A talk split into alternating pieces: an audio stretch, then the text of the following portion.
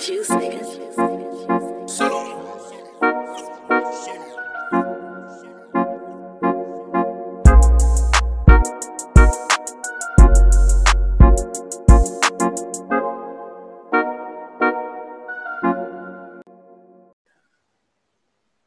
guys, welcome back again di To The Ring Podcast. Oke, hari ini kita bakalan ngebahas tentang preview game untuk selanjutnya nih di Christmas Games dari tanggal 22 waktu US ya.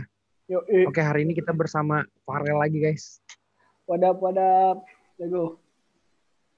Oke guys, jadi mungkin kita langsung aja ke inti dari podcast ini. Yang pertama kita bakalan ngebahas tentang Golden State Warriors versus Brooklyn Nets. Gimana Rel? Kita lihat dari stats pas preseason aja Rel. I- jadi kalau kata gua sih, nih ini game kayaknya bakal jadi punya Bro. Gua sih milih Brooklyn ya karena dari preseason kemarin udah kelihatan ternyata KD sama Kyrie nggak butuh waktu lama buat nyatuin chemistry-nya ditambah role player yang dia punya plus GSW juga kayaknya sih masih nyari-nyari ini sih nyari-nyari ritme permainan dengan Steph juga baru main lagi di preseason kemarin terus role, role player yang bisa dibilang baru-baru kan dia kedatangan Kelly Oubre terus nanti juga kemungkinan besar ada James Wiseman sama Draymond Green juga.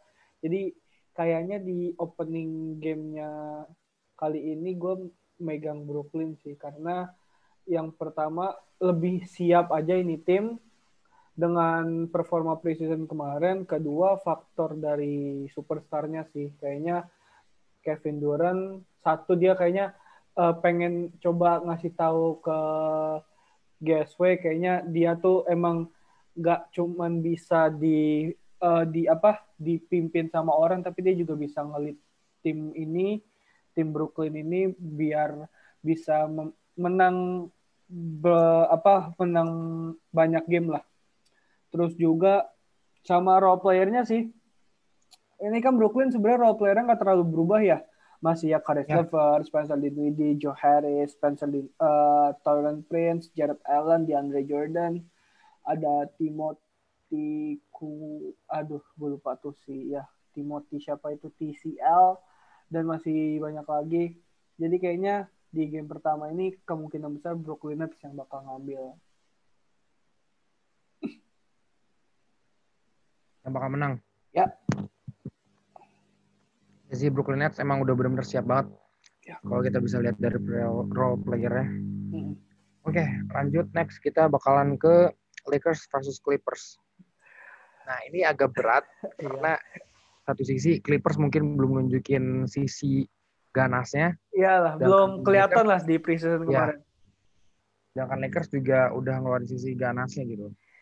Ya, sebenarnya eh, ya nggak ya udah banyak yang expect eh, ini derby Los Angeles bakal tersaji di opening night-nya NBA.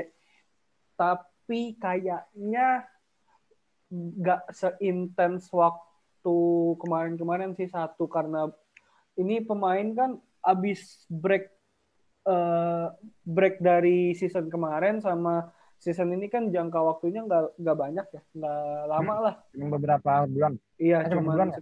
Dua bulanan deh kalau nggak salah. Itu udah termasuk NBA draft, pre-workout segala macam, free Hmm. agency dan lain-lainnya. Eh, terus juga kan eh, di gua kita dari Clippers dulu ya yang agak bisa dibilang nggak ada niatan buat menang lah di preseason kemarin mainnya bisa dibilang masih kurang banget. Ya dia juga kedatangan pemain yang sebenarnya ini pemain bagus cuman kayaknya dia dulu di tim yang bisa dibilang terlalu ancur-ancuran lah dia eh, Nicholas Batum kan dulu di Charlotte Ya. Hornets ya. Hmm. Ya kita tahu lah Charlotte Hornets gimana meskipun yang punyanya Michael Jordan tapi kan gitulah overpaid kontrak dan segala macamnya kurang berkembang lah timnya dan juga eh Taran lu kan kemungkinan mau ngejalanin sistem triangle eh, triangle offense ya eh, di mana Kawhi bakal jadi Jordan-nya lah kalau seandainya waktu di Bulls terus jadi Kobe-nya waktu di Lakers yang uh, waktu itu ketika Phil Jackson ngejalanin triangle system, porosnya Ya. ada di sekarang ada di Kawhi tapi dengan triangle offense mungkin dua kritikan pertama itu uh, dua kritikan dari gua adalah yang pertama bisa dibilang offense ini udah offense kuno lah. Zamannya Phil Jackson ngelatih terakhir itu Lakers juara 2010 2011 udah lama banget udah 10 tahun lalu. Sedangkan NBA udah berevolusi jauh lah dengan uh, apa three point yang semakin dominan terus paint area yang semakin kebuka banget buat big man dan buat small man juga buat uh, apa nge penetrasi ke dalam jadi kayaknya ya sebenarnya sistemnya bakal bisa berjalan. Cuman kayaknya dengan sistem kuno triangle offense gue gue pikir Clippers agak bisa kesusahan sih. Terus yang kedua kalau dulu di Bulls ada Ron Harper di Lakers ada Derek Fisher kayaknya kalau seandainya Clippers ngejalanin triangle offense dengan point guard dia Patrick Beverly satu kurangnya kreativitas dan playmaking Playmakingnya kurang banget Nah, berarti. Beverly. Yang- lebih ke defensif sih di gua ngeliatnya.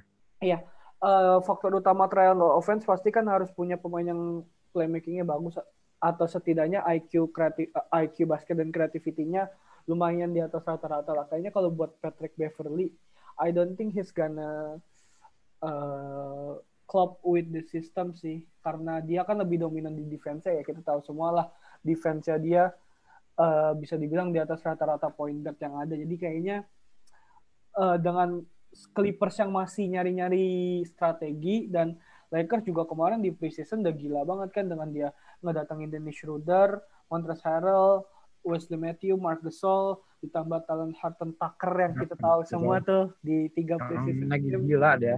Di tiga preseason game average poinnya bisa eh, 20 poinan. Lalu LeBron dan AD eh gua nggak tahu nih LeBron sama AD bakal main apa enggak. Kayaknya sih bakal main cuman minit eh, masih di inilah masih di low Bawah masih bawah 30. Iya, eh, minitnya masih di load management lah. Jadi kayaknya minitnya nggak Hmm. banyak, tapi dengan chemistry yang ada, kayaknya sih gamenya bakal dimenangin sama Lakers sih.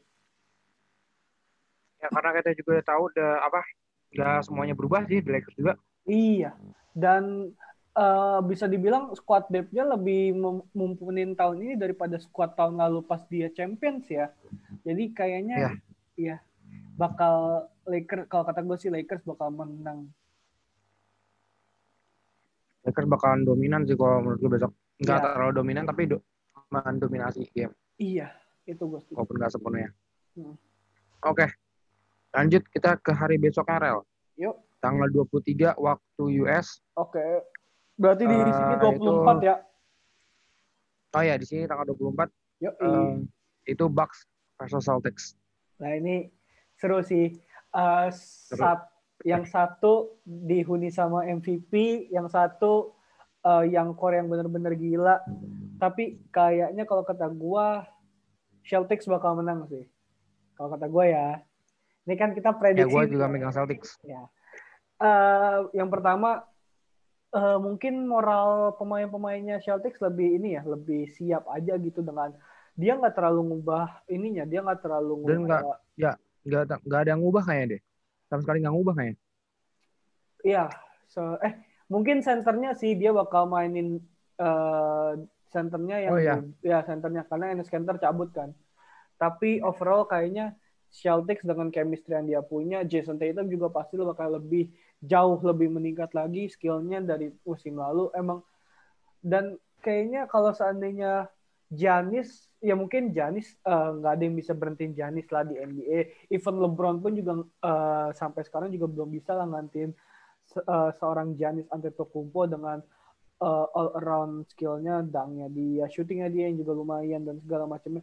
Tapi kayaknya Bucks dengan pemain-pemain barunya, gue masih ragu sih. Kayaknya mungkin bakal struggle di awal-awal sih. Jadi kayaknya di game ini mungkin Boston Celtics yang menang.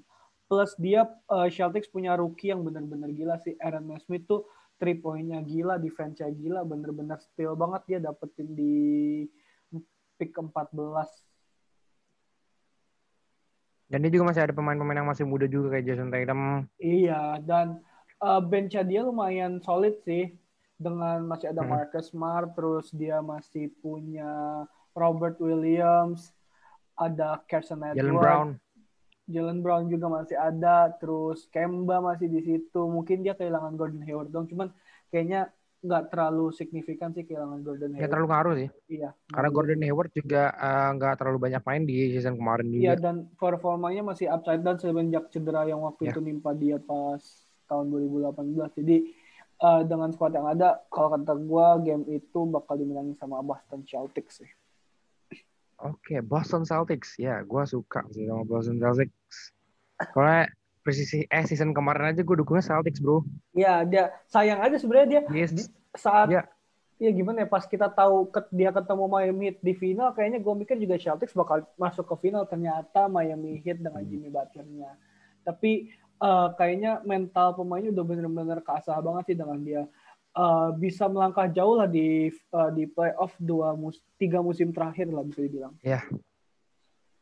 Oke. Next kita ke Dallas Mavericks and Phoenix Suns. Nih, ini juga sebenarnya seru sih. iya Dua nih tim yang mungkin nggak nggak terlalu menonjol tapi iya playernya bagus-bagus. iya di Dallas ada Luka Doncic sama Kristaps Porzingis di Brooklyn Nets ada CP sama Ya. Devin Booker ya Ada DeAndre Ayton juga Iya, di Andre Luka. Ayton. Eh, yang terbaik. ini jujur ah, ini agak susah sih milihnya karena dua sebenarnya imbang sih ini dua tim dengan uh, Ya. superstar yang dia punya, role player yang dia Tengah. punya pun juga bukan yang gila tapi bagus. Eh, plus eh, pelatih yang ya bisa eh, mungkin yang satu udah ber- eh, Rick Carlisle udah berpengalaman banget, Monty Williams yang udah jadi asisten di Sixers dan eh, tahun lalu bener-bener kita nggak nyangka Phoenix Suns bisa hampir masuk playoff setelah berapa tahun ya? Gua lupa 8 dari- kosong ya? Iya, di bubble Ah. dia 8-0 ya meskipun di bubble banyak yang bilang eh, entah mungkin eh, pemainnya baru baru balik, belum udah lama nggak main, terus covid juga dan nggak ada penonton. Tapi dengan performa di bubble kemarin ngebuktiin bahwa sebenarnya tim ini kalau di dipegang sama pelatih yang istilahnya eh, sol- eh, solid coach gitu, pelatih yang bagus dan ekspektasinya nggak tinggi-tinggi kalau kata gue playoff juga bisa jadi jujur ini game bakal sengit banget sih kalau kata gue karena ya kita tahu lah CP itu kan Ada. Dua tahun tra- dua tahun kemarin dia hampir masuk finals cuman eh, cedera yang bikin dia gagal masuk finals Ya. terus eh, tahun lalu eh tahun lalu juga Ya, di OKC. Dia bisa ngangkat tim yang isinya pemain muda semua ya eh, ngimbangin Rockets yang bisa ya bisa ngepaksa Rockets main sampai 7 game tuh bener-bener gila loh maksudnya tahun lalu dia ada Harden sama Westbrook terus eh, pemain-pemain Nah, lainnya kayak Eric Gordon, Austin Rivers, Daniel House dan masih banyak lagi. J Tucker. PJ Tucker juga terus OKC cuman ada dia Shai Gilgeous. Alexander Lou Dort sama Darius Basley mungkin belum kelihatan tahun lalu karena masih Adams di juga. iya masih di awal eh, di first year dan second atau second year-nya dia jadi kayaknya gue kalau gue sendiri gue bakal megang Mavericks karena pemain-pemainnya lebih siap tapi bisa ada kemungkinan nih bakal jadi game yang lumayan seru buat ditonton. Setidaknya mungkin di final skornya cuma beda di bawah 10 poin kalau menurut gue ya. Kalau gue nggak bisa nebak ya, soalnya eh, emang dua-duanya bagus. Gak tahu kenapa gue nggak bisa nebak aja. Dan Susah, Min. Iya. Pilihannya tengah-tengah dua-duanya. dan mungkin di pre, meskipun di preseasonnya Suns kurang bagus, sebenarnya Dallas juga kurang bagus sih. Tapi emang pemain-pemain kuncinya juga di, di meni- eh, dipasangnya juga nggak terlalu banyak sih kayak eh, Doncic mungkin eh, cuma 15 menit, 10 menit. Jadi kayaknya kalau di game ini preseason bukan jadi patokan sih, lebih ke individu pemain dan eh, track recordnya musim lalu aja sih. Dan gue lihat mungkin kalau gue sih megang Mavericks, cuman anginnya mungkin lebih ke Phoenix Suns karena eh, musim kemarin yang dia benar-benar menjelma jadi tim yang eh, bisa dibilang eh, underdog lah di Western Conference. Cuman gue tetap megang Mavericks sih. Oke. Oke, jadi cuman itu. Oke, lanjut aja deh ya, Harel. Yuk, Kita ke Christmas night. Christmas game. Christmas night, cuy. Rame nih. Ini bakal seru banget nih. Nih, Pelicans lawan Miami Heat bakal diadu lagi nih, Ral. Gimana nih, Ral? Gila, dia preseason dia udah ketemu berapa? Eh, dua kali ya? Kalau nggak salah dua kali deh. Dua Satu, kali kalau nggak salah. dan em, apa satu-satu Pelicans menang sekali, Ya. eh, Miami Heat menang Menang sekali. Kalau nggak salah ya, Nah. takutnya gue salah. Ya. Ini gimana nih? Yang tim yang dipimpin oleh Jimmy Butler dan satu lagi yang dirombak yang bisa dibilang jadi bagus gitu. Satu tim lagi New Orleans Pelicans. Sebenarnya jujur ya, New Orleans Pelicans tuh eh, lumayan hoki. Dia dapetin Eric Bledsoe, eh, dia dapetin Eric Bledsoe, George Hill, istilahnya pemain yang bisa mentorin pemain muda. Dia cuman harus ngebuang Jero Holiday yang sebenarnya nih Jero Holiday ini pemain bagus tapi eh, di gak, gak terlalu impact gede lah di New Orleans Pelicans. Impactnya gede tapi gak segede kayak misalnya Brandon Ingram, terus juga eh, Zion. Zion dan dia juga dapetin Stephen Adams yang kita tahu lah nih orang badannya anjir ku, kekar Kuat banget, serem banget. Lu kalau di apa front court lu ada Zion sama Stephen Adams kelar itu. Defense lu bener-bener kuat, makanya tapi di sisi lain Miami juga dia dengan Jimmy eh, Jimmy Butler yang bisa dibilang eh, apa Empat juara. ya leader yang bener-bener gila banget nge- bisa eh, nge- nggak nggak kalah jauh lah sama Lakers pas di final kemarin plus juga pemain-pemainnya juga nggak terlalu dirombak nih tim jadi chemistry-nya juga nggak terlalu rusak lah. Jadi kayaknya nih ini bakal game yang sengit sih jujurnya gue nggak bisa milih. Tapi kalau seandainya eh, harus milih gue kayaknya lebih ke Pelican sih. Gua lebih ya gue lebih ke Pelicans. Soalnya gua ngeliat defense-nya sama starter juga ke- ya. kayaknya bakalan gila. ya defense-nya terutama di defense-nya sih defense-nya bak Pelicans bakal gila banget. Tapi kalaupun Miami Heat menang gue yakin di bawah 10 poin juga sih ini game. Bakal ketat banget sampai akhir. Oke. Oke, Ral, kita next ke Yo, eh, Golden State Warriors versus Milwaukee Bucks. Nih yang dulu rumor-rumornya nih. MVP mau ke Warriors nih gimana nih? nggak jadi. Balah max con super max contract. Gue megang Milwaukee sih. GSW kalau kata gue di 10 game pertama masih bakal nyari masih- pemain masih bakal nyari ritmenya dia jadi Ritme ya, ya. Iya. Jadi kalau kata gue Milwaukee bakal ngambil game ini ya nggak nggak mudah eh, not an easy game tapi kayaknya sih eh, bakal menang lumayan telak sih setidaknya 20 margin 20 poin bisa lah dengan eh, squadnya Belasan yang, lah ya. ya squadnya yang dia punya plus benchnya yang lebih deep terus Warriors juga James Wiseman kan James Wiseman sama Danny Green kan nggak De- Gak main Green season. ya tiga game kemarin kan nggak main nih jadi dia masih Hmm. belum tahu nih ritmenya gimana kayaknya masih bakal Milwaukee Bucks yang menang Ya kalau gua sih jujur nggak tahu sih. Soalnya gua nggak eh, ngelihat Stephen Curry juga udah mulai berbahaya men. Kembali ke ya courtnya, Ya, itu. kembali ke tanahnya, eh ke tanahnya, ke olahraga yang dicintai. i- itu gue setuju sih tapi balik lagi kan eh, apa basket eh, Kekurangan Klay Thompson juga sih. eh, golden apa satu match kayak it's not about all Stephen Curry doang gitu kayak all team harus bisa nge-support Stephen Curry-nya dan di preseason kemarin gua belum ngelihat dengan signifikan pemain-pemain lain bisa eh, istilahnya eh, ngelayanin Stephen Curry dengan baik sih kayak masih ya kalau pemain isi pemain muda ego masih di atas segalanya lah jadi butuh ya setidaknya 10 Ya game kayak lah ya. Iya, butuh Kylie Oubre 10 game lah buat nemuin rhythmnya. Saya Kelly Oubre juga masih selfish banget mainnya.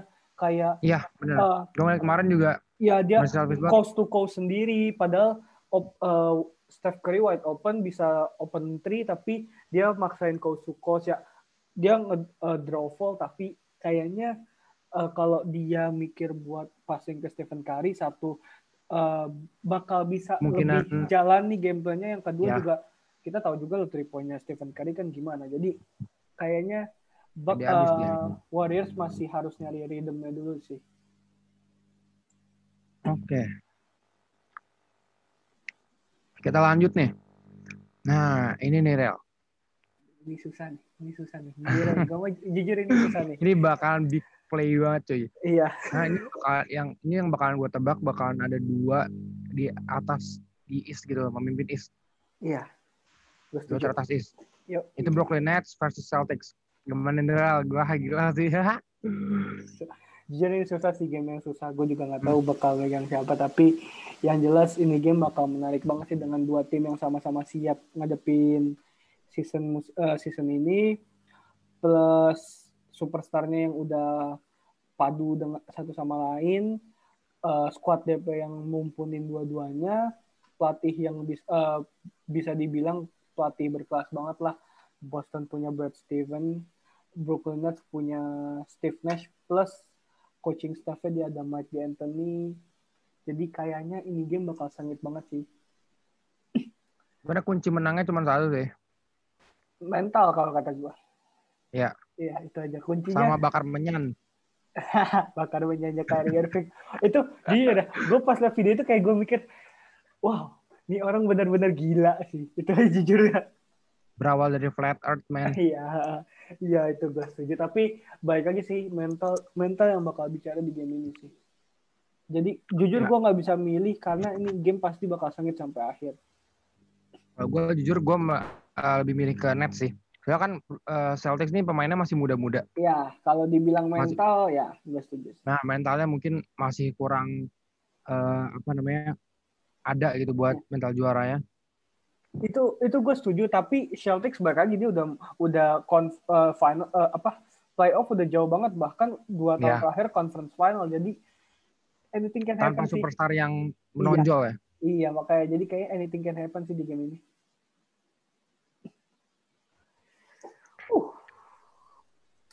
Christmas night yang gila Oke, ki- kita lanjut ke game ini juga lumayan gila sih. Dallas Mavericks Iya. versus Lakers. Nah ini sebenarnya nggak bisa ketebak lagi karena emang kadang-kadang Doncic suka melakukan hal-hal yang di Iya. luar ekspektasi kita sih. sebenarnya sebenarnya sih gini ya Doncic itu bisa nge-carry eh, Doncic tuh orang yang bisa nge-carry tim lah eh, either dia sendirian dia bisa 30 poin 40 poin ataupun dia ada Kristaps dia bisa 30 40 poin plus asisnya yang banyak cuman Jujur, jujur tapi gue jarang banget ngeliat ke steps eh, di itu loh di step atas itu.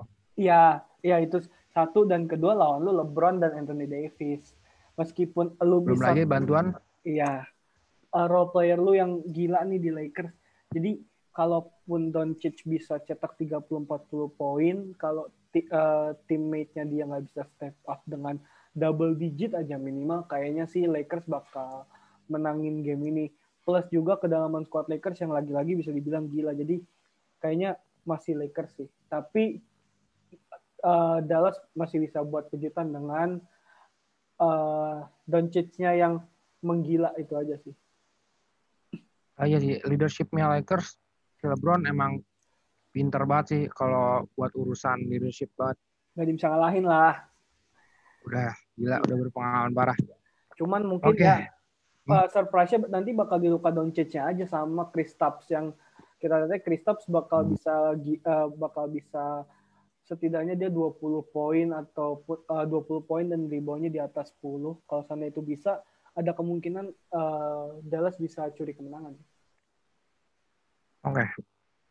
Oke, next nih. Apakah Clippers bakal bisa membalikan keadaan saat kemarin melawan Denver Tapi 3-1 cuy. Ya sebenarnya Denver bener-bener gila sih uh, musim lalu meskipun dia harus kalah sama Lakers di conference final tapi dua dua apa dua matchup dia bisa balikin keadaan dari 3-1 jadi dari dari 3-1 jadi 4-3 itu bener-bener man jarang banget tim yang bisa kayak gitu dua game berturut-turut lagi nggak cuma satu game nggak cuma satu up aja dua up sekaligus dia kayak gitu kan Dan berturut-turut. iya jadi kayaknya sih gue bakal megang Denver sih di sini Jujur gue juga eh, lebih megang Denver soalnya dia nggak terlalu banyak berubah. dia kehilangan Jeremy Ah. Grant doang ya dari sisi eh, apa front courtnya cuman kayaknya itu nggak terlalu berpengaruh dengan dia sekarang punya Michael Porter Jr. yang udah lebih siap dari tahun lalu kayaknya starting five dia bakal aman-aman aja mungkin nanti ke dalam kedalaman bench aja plus kita tahu juga Clippers Paul George aja masih on off banget nih di preseason Ya betul banget. jadi kayak Jadi ya kemungkinannya ya Denver gila lah. ya. si Denver lah Nuggets ya. iya Oke oke oke. Oke kita next untuk hari besoknya Rel tanggal 26 yo i- yaitu Atlanta Hawks versus Dallas eh Dallas Mavericks lagi. Memphis Grizzlies. ini pertarungan dua satunya sophomore satunya tahun ketiga berarti ya? Trey Young sama Jamoran Oh, sebenarnya ini tim eh, lumayan lumayan mirip-mirip lah eh, komposisinya dengan eh, dia di Memphis dia ada Ja, Jaren Jackson Jr., Dylan Brooks, Jonas Valanciunas. Yep. Di Atlanta Hawks dia punya Trey Young, John Collins, DeAndre Hunter, Cam Reddish. bukan pindah ya? Siapa? Valanciunas. Eh, Bukan, Oh. bukan, bukan, bukan, bukan. Sorry, sorry, sorry, sorry. gue masih deh. Itu yang dari Suns, center Oh, Suns ke oh, iya. Gue salah, gue salah. Iya, santai. Eh, kalau kata gue sih, eh, aduh ini juga susah sih. Tapi kayaknya sih bakal, gue, kayaknya sih Hawks sih dengan pemain-pemain yang dia punya ya. Plus juga kalau kata gue kuncinya nih di Cameron Reddish. Eh, gue bilang gini karena ini orang tuh sudah eh, dari zaman dia di Duke sama Zion sama RJ gak, gak bisa ketebak banget eh, performanya dia. Plus juga dan kalau dia lagi bagus itu dia bagus banget. Plus Trey yang kita tahu lah eh, dia tuh ibaratnya Steph Curry eh, yang Steph Curry lah penerusnya Steph Curry ya dia. Jadi eh, dan dia punya Clint Capella center yang lumayan solid. Ke- eh, Kevin Huerter juga shooter yang bagus. John Collins ya kita nggak usah raguin lagi lah Eh, defense-nya oke attack- Defense-nya bagus. Oke. Iya, offense-nya juga bagus. Jadi kayaknya game ini bakal milik Atlanta Hawks sih, tapi nggak bakal menang jauh ya. Paling-paling di bawah 10 poin lagi sih. Kalau gue sih paling bedanya belasan sih. Kalau emang salah satu, eh kalau Hawks menang. Ya, dari dari komposisinya juga nggak jauh beda tapi beda gitu. Ya mungkin nggak jauh beda, cuman eh, kekurangannya di Memphis eh, Memphis shooternya dia Dylan Brooks itu nggak sekonsisten Kevin Huerter sih. Mm-mm. Makanya itu itu jadi eh, plus poinnya buat Hawks. oke. Yoi.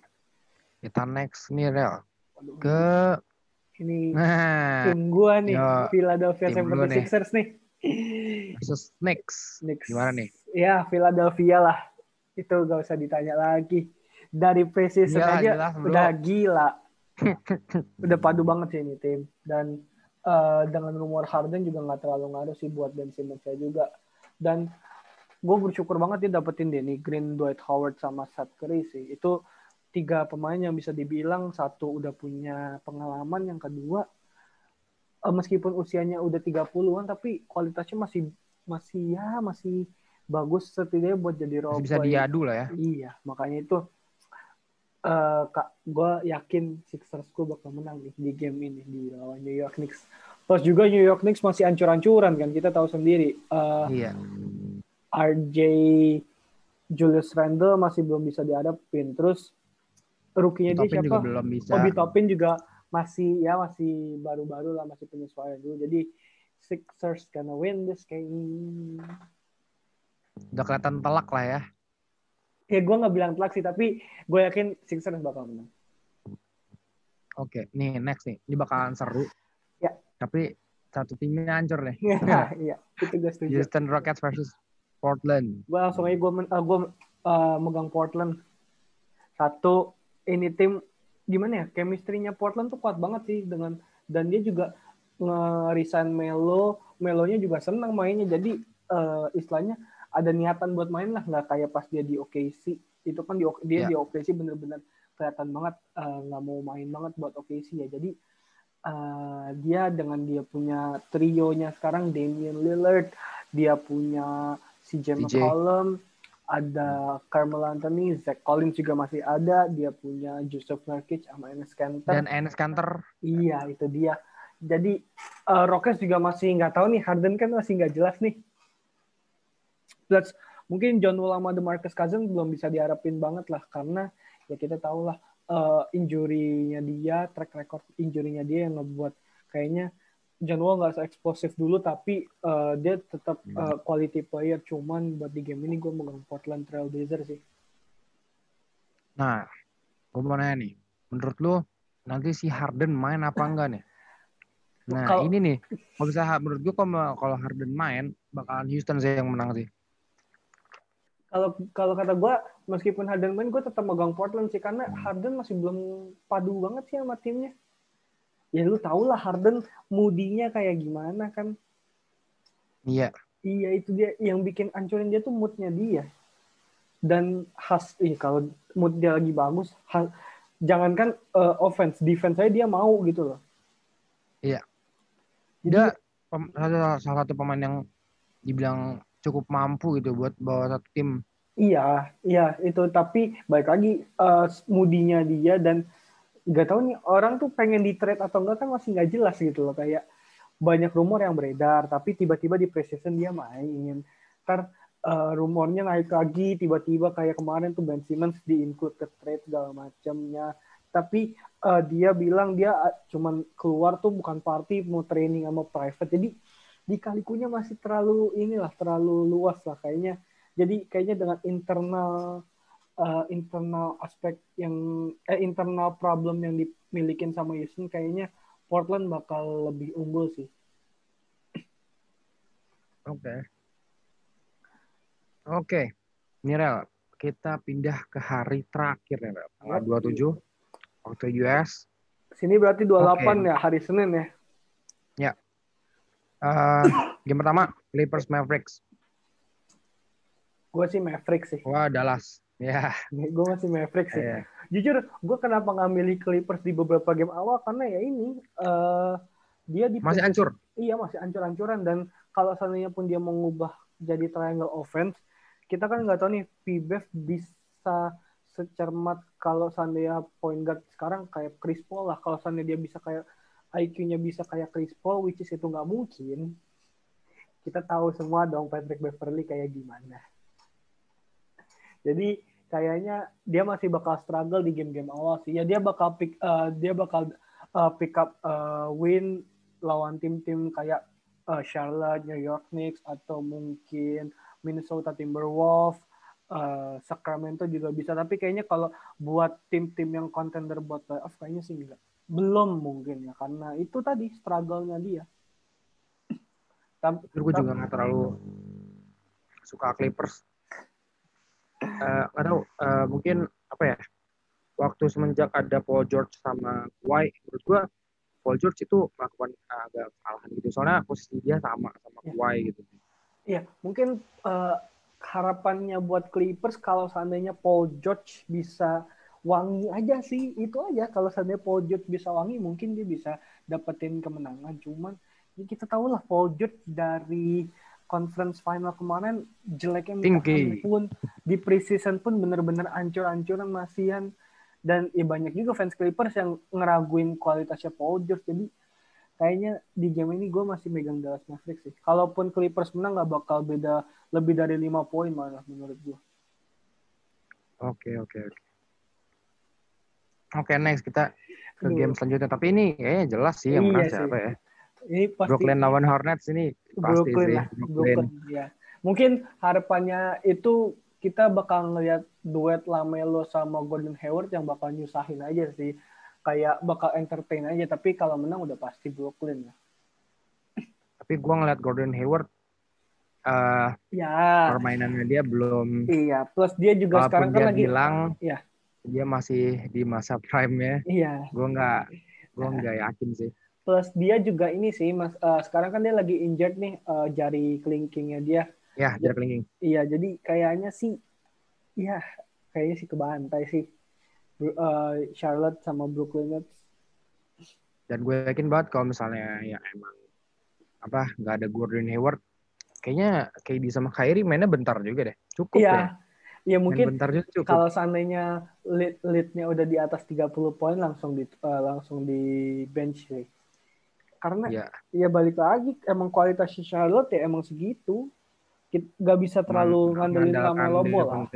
Iya. Ya Devonte nggak bisa- Graham, Terry Rozier Nah, juga ya mungkin kita ya kalau seandainya buat nyumbang double digit bisa tapi kayaknya kalau buat ngangkat ini tim jauh belum. Oke. Oke, kita next rel. Ini ke game terakhir. Ya. Ini kelihatan lagi sih. Sebenarnya kelihatan Amin. ya. Ini kelihatannya emang apa yang kelihatan dominan aja ya. Ini masih preview kan. Yuk, i- Eh, Minnesota Timberwolves lawan Los Angeles Lakers. Oke.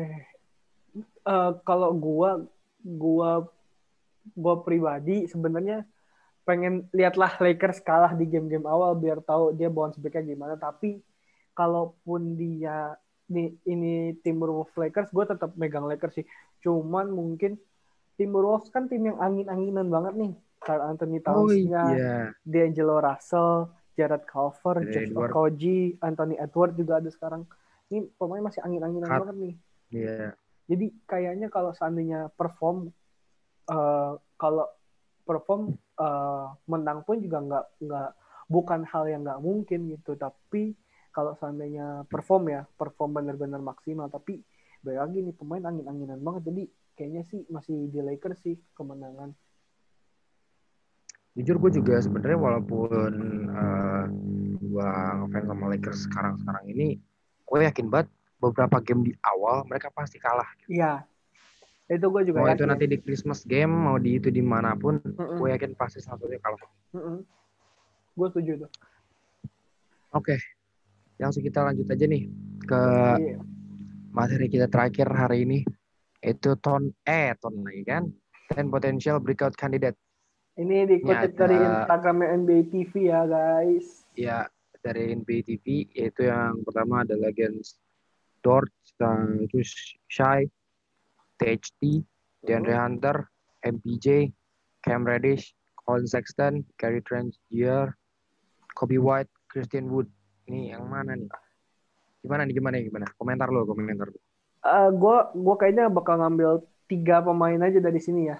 Yang gue lihat Oke, yang perta- yang pertama udah pasti si Shai Gilgeous Alexander. Eh sorry lima lima lima pemain. Yang pertama udah pasti lah Shai Gilgeous Alexander bakal eh, meledak banget lah tahun ini dengan dia bakal nge-carry ini tim eh, OKC Thunder karena nggak mungkin lu berharap sama Al Horford yang udah bapuknya setengah mati. Betul, betul, betul. Iya, plus ya Shai, Shai kita tahu lah dia bisa 20 poin 20 sampai 30 poin per game lah. Jadi gue yakin Shai bakal meledak di tahun ini. Terus yang kedua THT dong, jelas. gue masih ragu sih kalau THT karena baru kelihatan pas preseason kemarin doang. Gue lebih ke Michael Porter Junior sih. Karena dia bakal pasti dia bakal dapat regu- eh, dapat dapat minute play yang lebih banyak dengan Jeremy Grant yang cabut jadinya dia pasti bakal Oh, iya. line up. Makanya itu kayaknya potensial dia buat eh, meledak di tahun depan bakal gede banget. Plus dia udah BTW, apa? yang lanjut dulu, lanjut dulu. eh, plus dia juga eh, udah recovery 100% dari cederanya. Jadi dengan potensi yang dia punya kayaknya ini orang bakal eh, meledak lah di tahun depan. Eh, si Jeremy Grant pindah ke mana deh? Detroit Pistons. Oh, iya di satu Iya. posisi lagi ya. Iya, si- satu posisi. Black Griffin. Sebenarnya dia bisa main 3-4 sih tergantung ininya aja. Oke, terus lanjut nomor tiga. yang ketiganya gua Ya ada Hunter. Colin Sexton. Nah, Eng- aduh, Colin Sexton. Kobe White gue. Kobe White sih yang ketiga. Karena dia tahun lalu aja udah cetak 20 poin per game. Dan iya sih. tahun ini pasti dia bakal jadi ininya lah, bakal jadi li- playmakernya, play, real playmakernya Bulls sih. Jadi dengan pemain-pemain yang pemain-pemain di sekitarnya kayak Zach Lavine, Laurie Markkanen, terus sekarang dia punya Patrick Williams, Wendell Carter, kayaknya dia bakal bisa eh, eh, apa menjadi ot- eh, otak dari permainannya Bulls dengan cukup brilian lah di tahun ini ya. Plus emang nih orang nge- shootingnya pede banget sih 3 point, 2 poinnya. Ya. Oh, gue setuju, gue setuju. Walaupun three point-nya nggak Belum eh, efisien. efisien, belum efisien, tapi emang dia pede banget sih. Iya, PD-nya udah ada lah. Oke lanjut. Ya. Tadi udah-. Tadi udah tiga ya. Nah, Sekarang empat. Empat mungkin Gary. Ludort Gary sih. Ludort udah pasti sih. Ludort karena Ludort. Oh ya. dia tuh eh, posisi 2 dan 3 badannya sih emang kecil tapi perimeter defense-nya tuh bener-bener gila sih dia dia di game lawan Houston meskipun emang dia buat mistake dengan eh, apa lemparan dia yang eh, niatnya dia mau kenain ke Harden tapi nggak kena cuman ya itu nggak bisa dijadiin patokan lah karena emang dia di game lainnya bener-bener bagus sih defense-nya jadi kalau kata gue dia bakal bersinar plus juga dia pasti bakal dapat regular post eh, regu- eh, minute minute play yang cukup banyak sih dengan squad OKC sekarang. Oke. Next terakhir terakhir terakhir.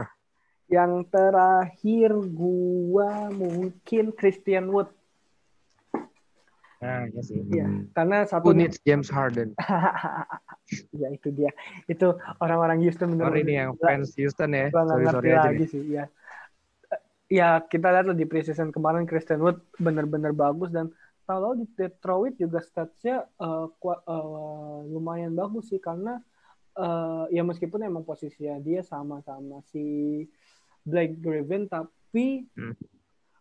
eh, satu dia masih muda, yang kedua itu sta- statsnya dia itu dia kemarin 13,1 poin per game, Gila, 6, gede juga cuy. ya 6,3 rebound per game asisnya ya asisnya cuma satu cuman minute playnya dia cuma 23 eh 21 Kayaknya sekarang naik deh. dia. 21 Sekarang dia di, iya di Houston di Houston preseason kemarin berapa deh? Houston Minute play. aduh gua nggak lihat lagi tapi pasti Udah. lebih banyak dari pas di Tr- Detroit karena dia bakal jadi regu, eh, bakal jadi regular dia bakal jadi starter kan dengan Oh, iya. ya kedatangan dia di Rockets tuh bukan semata-mata cuma jadi bench dia bakal jadi starter dan dengan stats yang dia punya tahun lalu kayaknya tahun depan dia bakal gila sih Bakal plus gila sih. defense Bakal gila. Ini plus banyak sih pemain-pemain yang gak bakalan tertebak gitu kayak ya plus- beberapa pemain dari sini emang kadang-kadang suka membuat kejutan Iya. masing-masing kayak Gary Trent Jr. juga iya great tapi ya, Norton mungkin Gary Trent Jr. masih tetap sama si Jamal McCollum aja sih kalau iya karena dia posisinya sama gitu. iya itu dia makanya cu ya dan makanya minute gua play-nya juga sedikit Ya, dia tuh pemain yang mungkin minute play-nya 15 sampai 20 menit per game aja. Ya. Kalau Cam Reddish yang tadi gue bilang sih kalau seandainya dia lagi perform bagus banget, kalau dia lagi jelek jeleknya minta ampun. Kalau di Andre Hunter ya sama lah. Eh, masih masih upside down aja. Talent Harden Oke. Tucker ya kita tahu lah dia masih baru di preseason aja kan. Kalau seandainya mungkin belum nanti lihat ya. season kalau seandainya mungkin nanti di 10 game awal dia bisa setidaknya 15 poin per game ataupun pokoknya double digit double digitnya di atas 15 lah dan minute play-nya emang bisa di angka 15 sampai 20 ada potensi juga dia bakal break out tahun depan sih benar-benar uh, bakal potensinya bakal kelihatan di tahun depan sih. Lakers bakalan nggak bakal eh nggak bakalan nyari point guard lagi sih kayaknya Iya. kalau misalnya emang dia udah bagus sebagus itu Iya, karena eh, ya balik lagi sih eh, pemain muda kan kita nggak tahu juga pe- performanya dia, mentalnya dia gimana. Oke. Oke guys, jadi obrolan hari ini kita cuma ngobrolin tentang preview sama 10 potential breakout candidates. Lama juga ya. Thank you guys. Iya lumayan lama ya ternyata ya. Oke guys, thank you for listening. Daring podcast, bye bye. Bye. Peace. Peace.